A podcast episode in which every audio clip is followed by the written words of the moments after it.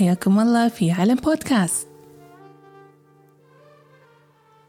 أصبحوا صانعي المحتوى أو ال content creators أحد أهم المؤثرين في عالمنا اليوم سواء من خلال حساباتهم الخاصة في مواقع التواصل الاجتماعي أو عبر قنوات اليوتيوب أو غيرها الكثير. ولكن هناك من يقدم محتوى يعزز الثقافة وينشر المعرفة وهناك محتوى ما يعتبره البعض أسفاف ومخالف للقيم والعادات والتقاليد. ضيفنا اليوم صانع المحتوى ورجل الأعمال السيد عبد الرحمن الجابري من عاصمة بريطانيا لندن. حاصل على شهادة البكالوريوس في تخصص Accounting and Finance من جامعة هيرتفوردشاير University وعلى شهادة الماجستير في تخصص International Business من أولستر University من بريطانيا. في البداية أرحب فيك معنا سيد عبد الرحمن الجابري وحياك الله في عالم بودكاست حياك أستاذ أمل حييت وحيي متابعينك الكرام. آه سيد عبد الرحمن من هو عبد الرحمن الجابري وكيف تعرف نفسك على الناس؟ أعرف نفسي بإني عبد الرحمن الجابري. أعرفهم في مكان أو مجال عمل أعرفهم بأني أنا صاحب عقار وبزنس وأعمل في المجال العقاري. لكن على المستوى الاجتماعي أعرفهم بأن أنا أنا صانع محتوى في أقدم معلومات عن لندن وعن بريطانيا. تذكر لنا شلون بديت في صناعة المحتوى؟ وين كانت البداية بالضبط؟ هل عبر سناب أو عبر يوتيوب؟ ممتاز. آه، بدايتي كانت في اليوتيوب. أنا أتكلم طبعا كمنصة عامة للناس ولا قبل طبعا الكل كان عنده حسابات في الفيسبوك أو قبلها في المنتديات. لكن نتكلم على العموم العموم الناس نقدم الطرح. كان في السناب شات. كان وقتها في 2015 السناب شات في بداياته أو بدأ يشتهر أو يوصل للخليج بالتحديد. فطلبوا الناس مني يعني بأني أنا عايش في لندن وأقدم محتوى عن لندن أو عاشق للندن. اني أنا أقدم محتوى عن لندن في السناب شات. كمنصه جديدة يعني ولها مستقبل. وفعلا بديت في هذه المنصة اقدم تغطيات عن لندن واقدم معلومات عن لندن والحمد لله حصلت تجاوب كبير من الناس التفاعل إلى أن وصلنا الآن في سنة 2021 وما زلت أقدم المحتوى في السناب شات لين وصلنا إلى هذه المنصة نشوف نقدم معكم هالبرامج واللي نتكلم فيه عن السناب شات يعني. سناب شات صحيح أي. تذكر لنا أول سناب صورته أول سناب تذكرها؟ وشنو كانت ردة الأفعال؟ يعني ردود الأفعال على السناب هذه؟ طبعا أذكر آه، أول سناب دي وتغطية. هي كانت أنا بالنسبة لي هي اللي شجعتني ان أنا أدخل في هذا المجال، أنا كنت أقرأ بشكل عام عن بريطانيا، فكنت أقرأ معلومات تفاجئني، فقلت أنا ليش اتفاجئ وأنا استفيد فقط؟ ليش ما أفيد الناس بهذه المعلومات اللي أنا عندي إياها؟ فأول معلومة بديتها كانت من إيجور رود أو مثل ما يسمونه الناس يعرفونه باسم شارع العرب. شارع العرب. إن هذا شارع العرب الناس يعرفونه من ربعنا لكن للأسف كثير من المعلومات ما يعرفونها مثلا ما يعرفون إن في شارع العرب أشهر مقصلة إعدام في لندن فالمعلومة صادمة تكون للناس يعني وين المقصله؟ وين هذا المكان؟ ف فالفكرة باختصار انه كان شر العرب قبل أكثر من 500 سنة قرية اسمها تايبرن. فقرية تايبرن كان فيها مقصلة شهيرة تسمى تايبرن جالو مقصلة الإعدام في تايبرن. أعدم فيها مئات وآلاف الأشخاص تاريخيا منهم شخصيات شهيرة. فأول ما بديت بديت من هذا الموقع. ولو تسألين عن موقع وين في جوال رود ترى مكان معروف جدا. بداية إدجوار رود من جهة الهايد بارك وين الماربل ارتش في مثلث في تقاطع الشارع مثلث بتحصلين ثلاث أشجار هذه الثلاث أشجار تمثل مثلث الإعدام فكان هو مثلث ويعلقون فيه الناس أكثر من شخص كانوا يعدمون في في نفس الوقت. ساحه إعدام كانت يعني. فكان هناك ساحة الإعدام، كان طبعا في حضور جماهيري يعني الجماهير تحضر الإعدامات وكان بالنسبة لهم حدث مهم وجميل يستمتعون بإعدام الناس شيء جميل والله. معلومة بالنسبة لي أول مرة. هل عندك أنت سقف معين؟ هل في يعني مقيد؟ أنت تحس نفسك مقيد في بعض الأمور؟ هو ما في حد يقيدني أنا لكن أنا محطي قيود لنفسي. يعني مثلا أنا أعتبر يمكن عندي خطين حمر بالنسبة لي ما أتكلم عنهم ولا أرضى بالمساس فيهم. وهم الخط الأول هو الدين ما أتكلم أحد أتكلم أو أحد تكلم عن الدين الإسلامي والخط الأحمر الثاني وهو الوطن الإمارات ما نضح نتكلم عليها أو اوطاننا بشكل عام في دول الخليج يعني ما نحب أحد يتكلم عنهم أو ينتقدهم أو غيرهم ما دون ذلك فأنا أتكلم عن هذه الأمور في بريطانيا مجملها آه، كتغطيات سياحية، تاريخية، قصص، معرفة، أحداث حتى أحيانا سياسية لكن أحداث سياسية بريطانية. بريطانيه صحيح. نرجع للصدى اللي أنت أعطاك نفس نوع من الحافز أو التشجيع إنك تكمل. هل واجهتك هالانتقادات وهل تأثرت منها؟ للأمانة هو موضوع الانتقاد قليل ما يجينا انتقاد لأني أنا أتكلم في مجال آه، غير مثير للجدل، يعني عادة المواضيع اللي تثير الجدل هي مواضيع الدينية الحديث في الأديان، الحديث في السياسة تتكلم عن سياسات الدول والاختلافات اللي ما بينها أو حتى أحيانا تتكلم عن الرياضة، إذا تكلمت عن الرياضة وكنت بتعصب لنادي. طبيعي إنه يجيك انتقادات وهجوم بشكل عام.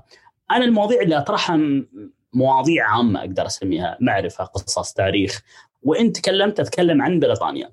فقليل جدا ما تجيني انتقادات على طرحي أنا أتكلم بشكل عام. طبعا البعض ممكن يناقشني أو أو يعني يجادلني على موضوع الطرح، طريقة الطرح، طريقة الأسلوب أفضل بهذه الطريقة أو غيرها، لكن ما حد ينتقد المواضيع اللي أنا أطرحها بشكل عام. إي فهذا نوعا ما خلاك يعني تواصل وتكمل في هذا المشوار. طيب. في بدايتك هل كانت لك رؤية يعني كان عندك تصور إنك راح تكمل في هذا المجال؟ هل كانت عندك رؤية آه. واضحة من البداية من أول سناب سويتها في أجوال رود؟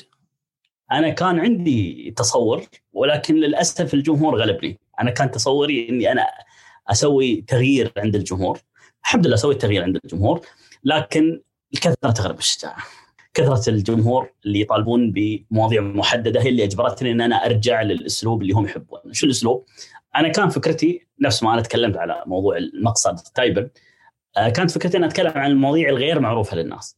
آه، السائح الخليجي للأسف بشكل عام عنده روتين قاتل في لندن. صحيح. آه، يوصل لندن البعض يفضل منطقة مثلا أوكسفورد وإدجوار رود والبعض يفضل منطقة مثلا نايتس بريدج. خلاص اللي يفضل هالمنطقة المنطقة لها نفس الجدول نفس الروتين. تلاقي يفطر في هذا المكان بعدين يروح الهايد بارك بعدين نطلع المكان الثاني يتقهوى ويتعشى. وربعنا عندهم يعني تفصيل التفصيل في لندن يعني تفصيل روتين أتكلم. يعني الخليجي لازم يلبس هذه الماركة هالسنه الموضه بعدين يسكن في هالفندق في هالشارع في البارك لين مثلا. ولازم يفطر في المطعم الفلاني من غير ذكر أسماء. وإذا راح وإذا راح هناك لازم يطلب الطلبية المعينة. وبعدين يروح الكوفي المح... الفلاني ويطلب الطلب الفلاني. يعني شيء روتين قاتل عند الناس. أنا أحس إنه يعطون قائمة مهمات. اللي يركب لن... يسافر للندن يعطونا قائمة مهمات عند باب الطيارة. هذه المهمات اللي لازم تسوي. تشيك ليست يعني الناس عندهم تشيك ليست حقيقي. يعني في ناس يرسلوا لي هذه قائمتي المطاعم أو الأشياء اللي بسويها شو رأيك؟ كلها مكررة طبعا يتراقلونها الناس. فكانت فكرتي إن أنا أحاول أغير في هذا المجال. إني أطرح أماكن غير معروفة، أقدم معلومات الناس ما تعرفها، أحداث جميلة، أماكن جميلة في لندن. يعني غيروا في في لندن في منطقة أسميها مثلث الرعب أو مثلث الموت أه. اللي هو يبدأ من ماربل أرتش إدجوار رود واوكسفورد ستريت وماربلبون هناك. آه نزولا بالهايد بارك إلى النايتس بريدج هارودز وما حوله ويكسر إلى باتجاه البيكاديلي. فهذا المثلث اللي في النص في المايفير ربعنا ما يطلعون من هذا المثلث للأسف. في نفس المثلث يلفون ويدورون نفس الجدول نفس الأماكن يروحون. فكانت فكرتي أكسر هذا المثلث مثلث الشر. فأكسره واحاول اعرف الناس عن المناطق الأخرى الخارجية لأن أنا عايش في لندن من 2009 إذا ما ذكرت المعلومه من 2009 أنا موجود وعاشق لها بشدة. فيوم الناس قالوا لي ادخل سناب شات لأن أنا عاشق لها وأعرفها فأفيد الناس فيها. فبديت أغطي أماكن خارج هذا المثلث. يعني أغطي ساحات أغطي تاريخ معالم مطاعم كوفيات خارج هذه الأماكن. فتميت احاول وأحاول والناس تستفيد لكن يظلون الناس يطلبون مني غطي هذه المنطقة ارجع إلى المايفير ارجع لنايتس بريدج غطي لنا هالم... غطي لنا هالمكان صور لنا هذه الحديقة صور لنا هايد بارك صور لنا هارودز مع كثرة التكرار وطلبات الناس نهاية أنت صانع محتوى لك جمهور فأنت لازم ترضي جمهورك فصرنا إحنا نرضي الجمهور نصور هذه الأماكن اللي يفضلونها لكن أحيانا نحاول نكسر القاعدة ونصور لهم أماكن شوي مختلفة. شوي مختلفة. إنزين تذكر إن أجمل مكان زرته في لندن من الأماكن اللي جميلة وللأسف مو الكثير من الناس يترددون عليها؟ والله لما يعني انت تسأليني سؤال شوي صعب بالنسبة لي، أنا لندن بالنسبة لي العشق في كل تفاصيلها، لكن من الأماكن المميزة جدا أنا عندي في لندن واللي قليل ما الناس يروحونها منطقة مثل منطقة كينغستون. مش كنسينغتون في فرق بينهم كينغستون هي منطقة في جنوب الغرب من المناطق الجميلة جدا تعتبر منطقة الأرستقراطيين مرتبة رائعة فيها حدائق فيها نهر التيمز يمر بامتداده. فهذه من الأماكن المميزة في لندن إذا نتكلم على مناطق الجنوب. في مناطق الشمال في منطقة اسمها الهامبستد منطقة سكنية راقية نفس الشيء. آه وجميلة للسكن جميلة للزيارة فيها كوفيات فيها مطاعم. لكن هي تعتبر بالنسبة لربعنا بعيدة. واي شيء خارج هذه زون 1 أو المثلث اللي يطلعونه دائما بالنسبة لهم بعيد وما يفضلون زيارته. هل حصلت مردود من من وراء هذا الشيء ولا هو بس حب أو شغف عندك أنت كصناعة محتوى؟ ابدا. أنا يمكن تتابعيني أنا الطرح التجاري عندي مش موجود تقريبا في في حسابي. أنا المردود الأساسي عندي أنا بالنسبة لي صراحة هو حب الناس والتواصل مع الناس. يعني أنا عشقي إن أنا أساعد الناس أفيد الناس أتواصل مع الناس أتعرف على الناس. أنا هذا الهدف الأساسي عندي في الحساب. فأنا فتحت حسابي 2015 2015 أيام ما كنت أدرس الماجستير. في 2015 و16 كنت أدرس وأفيد الناس. فأنا بعد دراستي اللي هي الفترة كل واحد بعد التخرج يعيش في فترة تيه. كيف يشتغل شو يسوي شو مشروعه وهذا. فأنا صدفة دخلت في ال business. ودخلنا في موضوع العقار إن أنا صار عندي علاقات مع فلان وفلان وأكثر من طرف. فواحد صادف إنه طلب مني طلب واحد عرض علي هذا هذا الشيء صدفة. فربطهم مع بعض وأخذنا عمولتنا. فأنا شفت إن هذا مجال كبير جدا بحكم إن أنا موجود في ال social media وعندي علاقات كبيرة. ممكن اشتغله ويكون شغل خاص فيني. وهذا طموح أعتقد إنه مهم جدا إن الواحد لازم يوصل منه يشتغل لنفسه في النهاية. فالحمد لله. بدينا في هذا المجال فأنا المردود الأساسي عندي هو التواصل مع الناس ثم صادف إن أنا أفتح ال business بناء على هذه العلاقات. شيء جميل، أنا راح أرجع لموضوع التجارة أو تحديدا شركتك شركة تياس بس مكملين في صناعة المحتوى وحابه أسألك هل هناك محتوى عربي في بريطانيا غير محتوى اللي قدمه عبد الرحمن الجابري؟ والله أنا متابع للعديد من الحسابات اللي تقدم محتوى وما شاء الله يقدمون طرح جيد. وأنا أقول إن إحنا كلنا نكمل بعض. في النهاية أنا أغطي جانب وطبيعي إن أنا ما أغطي كل الجوانب. ولي طرح يناسب البعض وفي كثيرين ما يناسبهم الطرح فغيري قدم هذا المحتوى. لكن بشكل عام أنا أعتقد إن الطرح بشكل عام في في بريطانيا ولندن الطرح ضعيف. يعني ما عندنا صانع صانعين محتوى عدد يعني على كثرة العرب. والخليجيين الموجودين في لندن وبريطانيا لكن صناع المحتوى في لندن وبريطانيا قليلين جدا حسب وجهة نظري بالذات المحتوى المفيد جدا للمتواجدين في بريطانيا. برأيك ليش في قلة في في صناعة المحتوى العربي؟ والله ما ما عندي أسباب صراحة يعني. يعني هل ممكن, ممكن تكون إي تفضل. أنا كنت بس حابه أقول جزء منها الثقافة ممكن, ممكن. ان ثقافة إن تقديم وصناعة المحتوى بشكل إعلامي شوي احترافي. ما أعرف صراحة للأمانة. إنزين. أنت سبقتني وجاوبت على السؤال بس راح أطرح عليك إياه وهو عبد الرحمن الجابري له متابعين من يعني من جميع أنحاء الوطن العربي. ولكن من من الصناع المحتوى اللي أنت أو مثل ما نسميهم مشاهير ال social media تتابعهم؟ والله ما شاء الله مشاهير ال social media عددهم كبير جدا الفترة الأخيرة وكثير منهم من الأصدقاء. ف في مشاهير طبعا يعتبرون مصدر مثلا في مجال السياحة مثل الأستاذ عبد الله الجمعة شخصية معروفة في في السعودية ورحال مشهور. بالقصص مثلا نايف حمدان الحسابات سام الدغير بهوايته الجميلة وعلى طار الهوايات واللي أنا أحب محتوى واللي صراحة أكثر واحد أتابعه شوي يضحك يعني. هو بن قاسم يمكن مشهور هذه الفترة اللي في في السعودية. طباخ إذا مر عليك. لا والله للأسف. هاي اسمه عبد الرحمن. هو مشهور بن قاسم اللي كتب في سناب طلعت إياه. إيه هو طباخ. طبعا أنا ما أتابع حسابات الطبخ لأنه ما يهمني. لكن هذا صراحة قدم حساب الطبخ الطبخ بطريقة مختلفة. قدمه باحترافية عالية جدا. يعني أنا أحب صراحة الاحترافية في الطرح. يعني إنك تهتم بالتفاصيل تهتم بالمحتوى وتهتم بطرح المحتوى. يعني في ناس عندهم محتوى رائع لكن طرحهم وتقديمهم للمحتوى سيء. وفي ناس طرحهم رائع لكن ما عندهم محتوى. هاي الغالبية للأسف عندنا اللي طرح محتوى فارغ لكن طرح رائع. مم. أنا أشوف عبد الرحمن جمع الاثنين. عنده محتوى طبخ رائع وطبخ يعني أغلبه أوروبي يكون ستاندر أوروبي وطبخات وسويتات أوروبية. والأحلى أنا بالنسبة لي واللي تشدني التصوير. أنا عاشق للتصوير. من هواياتي التصوير. فيصوره بشكل جميل وزوايا مختلفة عن التصوير العادي للطبخ. فأنا هذا اللي شدني محتوى زاد تصوير فأنا أس... وأكل من ما يحب الأكل.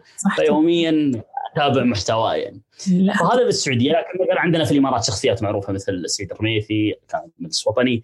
آه، حساب اجتماعي مشهور اسمه واير ثلاجة. واسم يعني اللقب الشهير فيه. في قطر صديق عبد الودين وغيرها من الحسابات القطرية. في الكويت صديق عبد الله الميموني عندكم سلطان المجيرب بعد نفس الشيء يقدم محتوى اقتصادي ومعرفي مثري ففي كثير من الحسابات نتابعهم في جميل. شيء جميل والله. العادة الناس ما يصرحون بالأشخاص اللي يتابعونهم ولكن هذا الشيء حلو أنك أنت حتى عرفنا على أشخاص يعني ممكن نتابعهم من وراء هالحلقة. شنو؟ أنا أنا في السناب عفوا. أنا البعض يقول يعني أنت أحيانا تطرح أماكن أو تطرح مثلا مطاعم وكافيات أه، وما تاخذ مقابلها إعلان أنا أشوف أن الأهم والأصل أن الواحد ينشر للي يستاهل فإذا شخص عنده محتوى يستحق ليش ما أنشر له؟ ليش أتوقع منه شيء؟ طالما شيء يفيد الناس إحنا هدفنا في إفادة الناس صحيح. أعتقد هاي وجهة نظري أنا لا صحيح ما صادق نوع من الملل أو في يوم من الأيام فكرت إنه لا والله خلاص يعني طفح الكيل عندي على ما يقولون. يعني إحنا الان ندخل في السنة السادسة دخلنا 2021 يعني كملنا ست سنين تقريبا. آه، زائد إحنا الآن يمكن نوثق هاللحظة التاريخية إحنا أيام كورونا. صحيح. ودنيا لوك داون في بريطانيا وكل المحلات مسكرة والدنيا كلها مسكرة. لكن اللي يشوف محتواي مثل أمس تغطيتي كانت يقول هذا كيف عايش في لندن يعني رغم كل هذه الظروف السيئة لكن ما زال عبد الرحمن يقدم لندن ويستمتع بالمرور في نفس الشوارع ونفس الأماكن فصراحة أنا عندي ما عندي تفسير ليش هذا العشق الكبير جدا للندن لتاريخها لمعالمها لعلاقتها ما عندي تفسير صراحة لكن هل مليت؟ أنا أعتقد بعد ست سنوات الجواب لا. كم بتكمل؟ ما أعرف لكن ما أعتقد إني أمل قريب، خصوصا إن في تفاعل يومي مع الناس، أنا مش أعشق لندن فقط، أنا أعشق لندن وأعشق إن أنا أقدم محتوى جميل الناس تحبه وتحرص عليه، يعني لو الناس ما يشكرون ويثنون ويتابعون وينشرون الحساب أنا ما بكمل، طبيعي إني أنا ما بكمل، لكن شفت قبول من الناس فأنا هذا اللي يسعدني. أنا هذا اللي يهمني في المحتوى اللي أنا أقدمه إن الناس. فعلا أشعر إن أضافت لهم واستفادوا أنا بالنسبة لي هذا أهم مكسب. هذا شيء حلو. هل تعتقد إن لازم بعض الحسابات اللي موجودة في ال social media أو بعض صانعي المحتوى لازم يكون في عليهم نوع من الرقابة أو يكون في سن قوانين؟ رقابة من الدولة ولا من الشركات؟ من الشركات وغالبا يعني الشركات هم اللي الشركات لها خطوط حمراء وعندها سياسات واضحة في هذا الموضوع. وجيدة يعني. أنا أشوف إنه جيد. يعني مثلا الإحداث الشهيرة الآن اغلاقات حسابات الرئيس ترامب يعني مثلا لتحريضها للعنف هذه الأيام.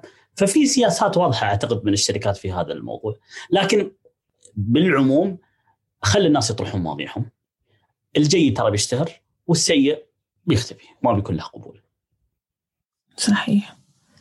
من خلال حسابك على سناب شات كنت ترسل لنا أخبار بريكسيت هل أنت من أنصارة أو معارضي آه، الخروج من الاتحاد الأوروبي؟ في الشأن البريطاني أنا مش بريطاني فأنا ما أقول أنا مع أو ضد لكن أنا شو وين أشوف المصلحة اللي حسب وجهة نظري طبعا حسب ما أقرأ وأبحث. ف طبعا هي خطوة أنا أشوفها ك... لو أنا أوروبي كوجهة نظر أوروبية هي خطوة أنانية. لأن بريطانيا تحس إنها قوية بما يكفي وإن ليش تتحمل اعباء دول ضعيفة؟ في الاتحاد الأوروبي مثل شرق أوروبا أو مثل اليونان أو مثل البرتغال الدول الفقيرة. ليش تتحمل اعبائها لكن في النهاية الوحدة طبعا تكون أقوى. لكن كبريطاني كوجهة نظر بريطانية بحتة طبعا لمصلحة بريطانيا لكن مش على المستوى القريب. لأن المستوى القريب التداخل مع الاتحاد الأوروبي شديد جدا. فخروجهم من الاتحاد الأوروبي مو بسهل. فهم أول فترة بيعيشون في تخبط وهالايام هم الآن مع بداية يناير خرجوا من الاتحاد الأوروبي فمثلا مو قادرين يدخلون الشاحنات لأن الأوراق القانونية ما عرفوها مثلا سائقي الشاحنات أو الموظفين الجمارك ما يعرفون شو الأوراق المطلوبة للدخول والخروج. فهذا أدى إلى عوائق كبيرة أو نقص في في الموردين. فعلى المستوى القريب بيضر بريطانيا لكن على المستوى المتوسط والبعيد لا. أنا متأكد أن خروجهم من الاتحاد الأوروبي جدا مفيد ويعطيهم استقلالية كبيرة استقلالية كبيرة وبيتطورون بشكل كبير. وكخليجي وجهة نظر خليجية خروج بريطانيا من الاتحاد الأوروبي يقوي علاقة بريطانيا بالاتحاد بدول الخليج. لأن بريطانيا الآن بعد خروجها من الاتحاد الأوروبي تبحث عن حلفاء. فالخليج هو حليف تقليدي أو امتداد تقليدي للبريطانيين فالعلاقات أصلا زادت مؤخرا. مع بريطانيا فهذا شيء جيد لنا إحنا كخليجيين نقدر نقول يعني. شيء جميل. آه، أروح لجانب آخر غير صناعة المحتوى وهو شركتك شركة ياس لماذا اخترت بريطانيا كمقر لشركة ياس؟ لو تعرف لنا بعد نشاط الشركة. إيه حلو. طبعا بحكم إن أنا أدرس في بريطانيا من 2009 ل 2016 سبع سنوات. طبعا درس فيها اللغة وال foundation التأسيسي والبكالوريوس ثم الماجستير. فسبع سنوات عشت فيها فصرت خبير فيها وفي قوانينها وفي علاقاتها.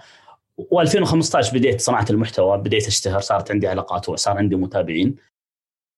مثل ما ذكرت من شوي انه صادف إن أنا سويت صفقة عقارية. فشفت إن المجال هذا جميل وسهل وما في تعقيد كبير. فقط هي شغلة علاقات. فأنا عندي علاقات.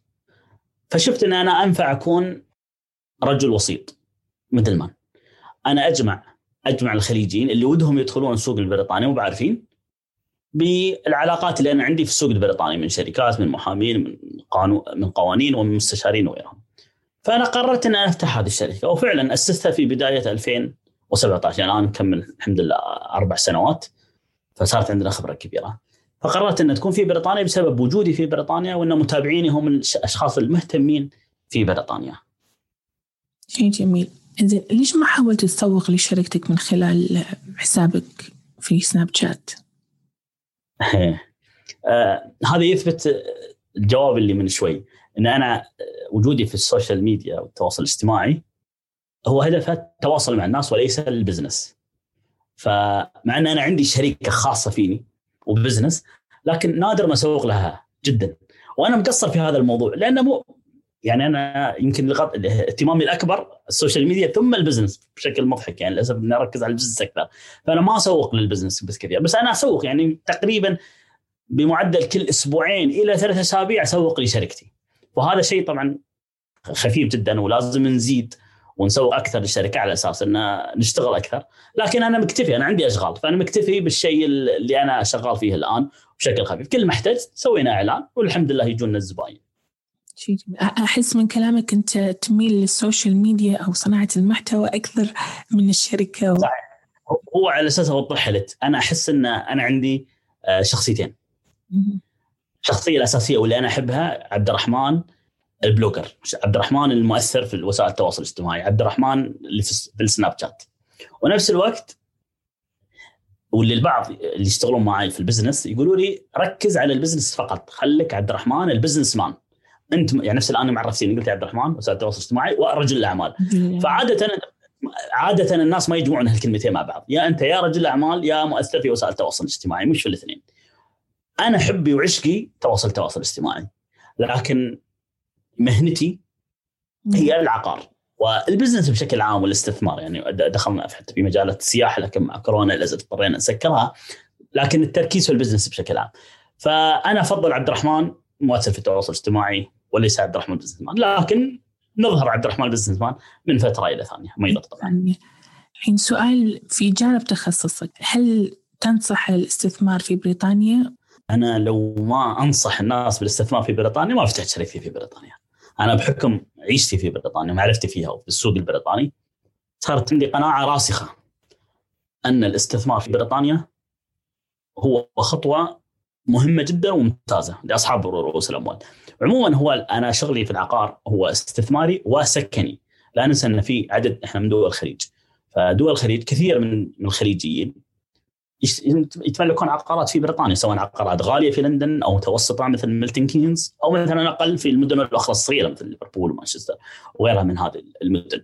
ففي اهتمام خليجي من في المجتمع الخليجي بتملك العقار السكني لهم سواء كمصيف أو يدرسون مثلا فيتملكون عقار. زائد الاستثمار ففي مجالين في العقار نقدر نقول في بريطانيا استثماري وسكني فطالما في طلب من السوق الخليجي على السوق البريطاني فهذا سبب وجودي فهذا الشق السكني نعم موجود أما عن الاستثماري فهل أنصح؟ نعم أنصح بالاستثمار في بريطانيا، لكن فكرة الاستثمار العقاري في بريطانيا مختلفة عن الاستثمار العقاري في دول الخليج. يعني عادة في الخليج العقار مع السنوات يقل قيمته. في بريطانيا العكس، العقار مع السنوات يزيد قيمته. فالتركيز في في الخليج على العائد. شنو السبب؟ إيه، شنو السبب إن في تزايد في سعر العقار في بريطانيا؟ أه، تحليلي الشخصي طبعا هو بسبب إن السوق البريطاني ما يتوسع بشكل كبير جدا نفس التوسع في الخليج، يعني إحنا متعودين في دولنا دول إحنا دول ناشئة تعتبر وفيها زيادة سكانية كبيرة، فعندنا إحنا عادي كل ست شهور تحصل منطقة جديدة طلعت. في لندن وبريطانيا بشكل عام نادر ما تحصل هذا الشيء، فالزيادة بطيئة. فأي بزنس هو عبارة عن عرض وطلب. فيصير الطلب كبير على العقار في بريطانيا. مستمر الطلب مستمر سواء من البريطانيين أو من الخارج اللي يهاجرون أو المستثمرين اللي يشترون في بريطانيا. فالطلب يزيد دائما والمعروض محدود. فهذا يؤدي إلى زيادة العقار. أما في الخليج عندنا توسع بشكل عام. فالعقارات في البداية كلها قيمة مع الوقت غالبا أتكلم. إذا ما كان الموقع ممتاز آه، يقل قيمته مع الوقت عادة. ممتاز. يتفضل فكنت أتكلم عن الاستثمار فالاستثمار في بريطانيا وهذا نصيحة للناس إن الأهم في الاستثمار في بريطانيا ليس العائد السنوي، العائد السنوي مهم يكون مثلا مثلا في الخليج متعودين عائد السنوي مثلا متوسط 10% بينما نتكلم في بريطانيا متوسط 4% فقط 4 ولو نتكلم عن لندن لندن فيها العائد من 2 إلى 3% فقط. يعني على ورقة وقلم تحتاج 30 إلى 40 سنة عشان ترجع رأس مالك. لكن ليش الناس تشتري في لندن؟ لأنه ما يهم العائد السنوي يهم قيمة العقار نفسها أنت يوم تتملك عقار في في لندن مثلا العائد فيها 2 3% لكن أنت تضمن سيولة أنت عندك سيولة تضمن الأصل زائد أن الأصل يزيد مع السنوات. فهالفكره أنك تستثمر في رأس المال والأصل وليس في العائد السنوي. آه أوكي. اتمنى وضحت لا واضحة. زين سؤال. سوق العقارات في بريطانيا هل تأثرت مع كورونا فيروس مع جائحة كوفيد 19 نسمع إشاعات كثيرة يعني. صحيح. آه، المنطقي والطبيعي أن السوق تأثر يعني أزمة عالمية وفيات عالية اقتصاد مسكر ما في زيارات ما في سياح. فالمنطقي أن العقار مو بينقص العقار ينهار. وهذا المتوقع عند الكثيرين في السوق الخليجي يسألوني السؤال هل انهار العقار؟ العجيب إن بريطانيا العقار فيها زاد قيمته في أثناء كورونا. الناس تستغرب يعني كيف كيف زاد؟ فهذا جوابي دائما لاني لأن السوق قوي فأنا أنصح الناس عليه. هذا الدليل إن رغم الأزمات إن العقار يزيد فأنت لا تخاف تتملك في بريطانيا مهما كان غالي ترى يزيد ما ينقص غالبا. طبعا سبب الزيادة سببين سبب رئيسي من الحكومة شيء ذكي جدا منهم وسبب ثاني موجود. آه، الحكومة إيش سوت في بريطانيا؟ خطوة كانت جدا ذكية منهم إنهم آه، على عكس الدول اللي بعضها يمكن زادت الضرائب في فترة كورونا عشان تعوض المداخيل راحت خفضت آه، ضريبة تسجيل العقارات في بريطانيا. خفضتها إلى 15000 pound يعني خصم يوصل إلى 15000 pound يعني مبلغ كبير نتكلم عليه خصمته خصمة الدولة. أي عقار تحت ال 500 ألف pound ما عليه ضريبة. وأغلب العقارات في بريطانيا الصغيرة وخارج لندن أقل من 500 ألف pound فهذا نشط الناس كلهم. فصار الناس رغم الأزمة يحطون فلوسهم في البنوك على أساس يشترون عقارات. فزاد الطلب على العقار فارتفع العقار. طبعا شيء طفيف لكن ارتفاع ما نزل. ممكن الاستثناء لندن وسط لندن لأن وسط لندن المشاريع العقارية كانت تستهدف غير البريطانيين. كانت تستهدف الأوروبيين، الصينيين، الروس، الأمريكان، الخليج، فلأن الآن هذه ما قاموا يقدرون يدخلون لندن فصار فقل الطلب عليه بشكل كبير. هذا أدى إلى انخفاض العقار في وسط لندن لكن خارج وسط لندن وبقية بريطانيا العقار ارتفع وهذا الأصل. الجانب الآخر قوة السوق العقاري البريطاني إن السوق قوي جدا جدا قوي. يعني حتى لو نشوف التاريخ مثلا الأزمة المالية العالمية اللي صارت في 2007 وانهار فيها العقار في أغلب دول العالم بما فيها أمريكا العقار في بريطانيا ارتفع لأن هي تعتبر مدينة يعني سوق قوي فالأمان فيها عالي فوقت الأزمات الناس تحط فلوسها في بريطانيا لأنهم يعرفون إنها آمنة وقوية وما بتنهار.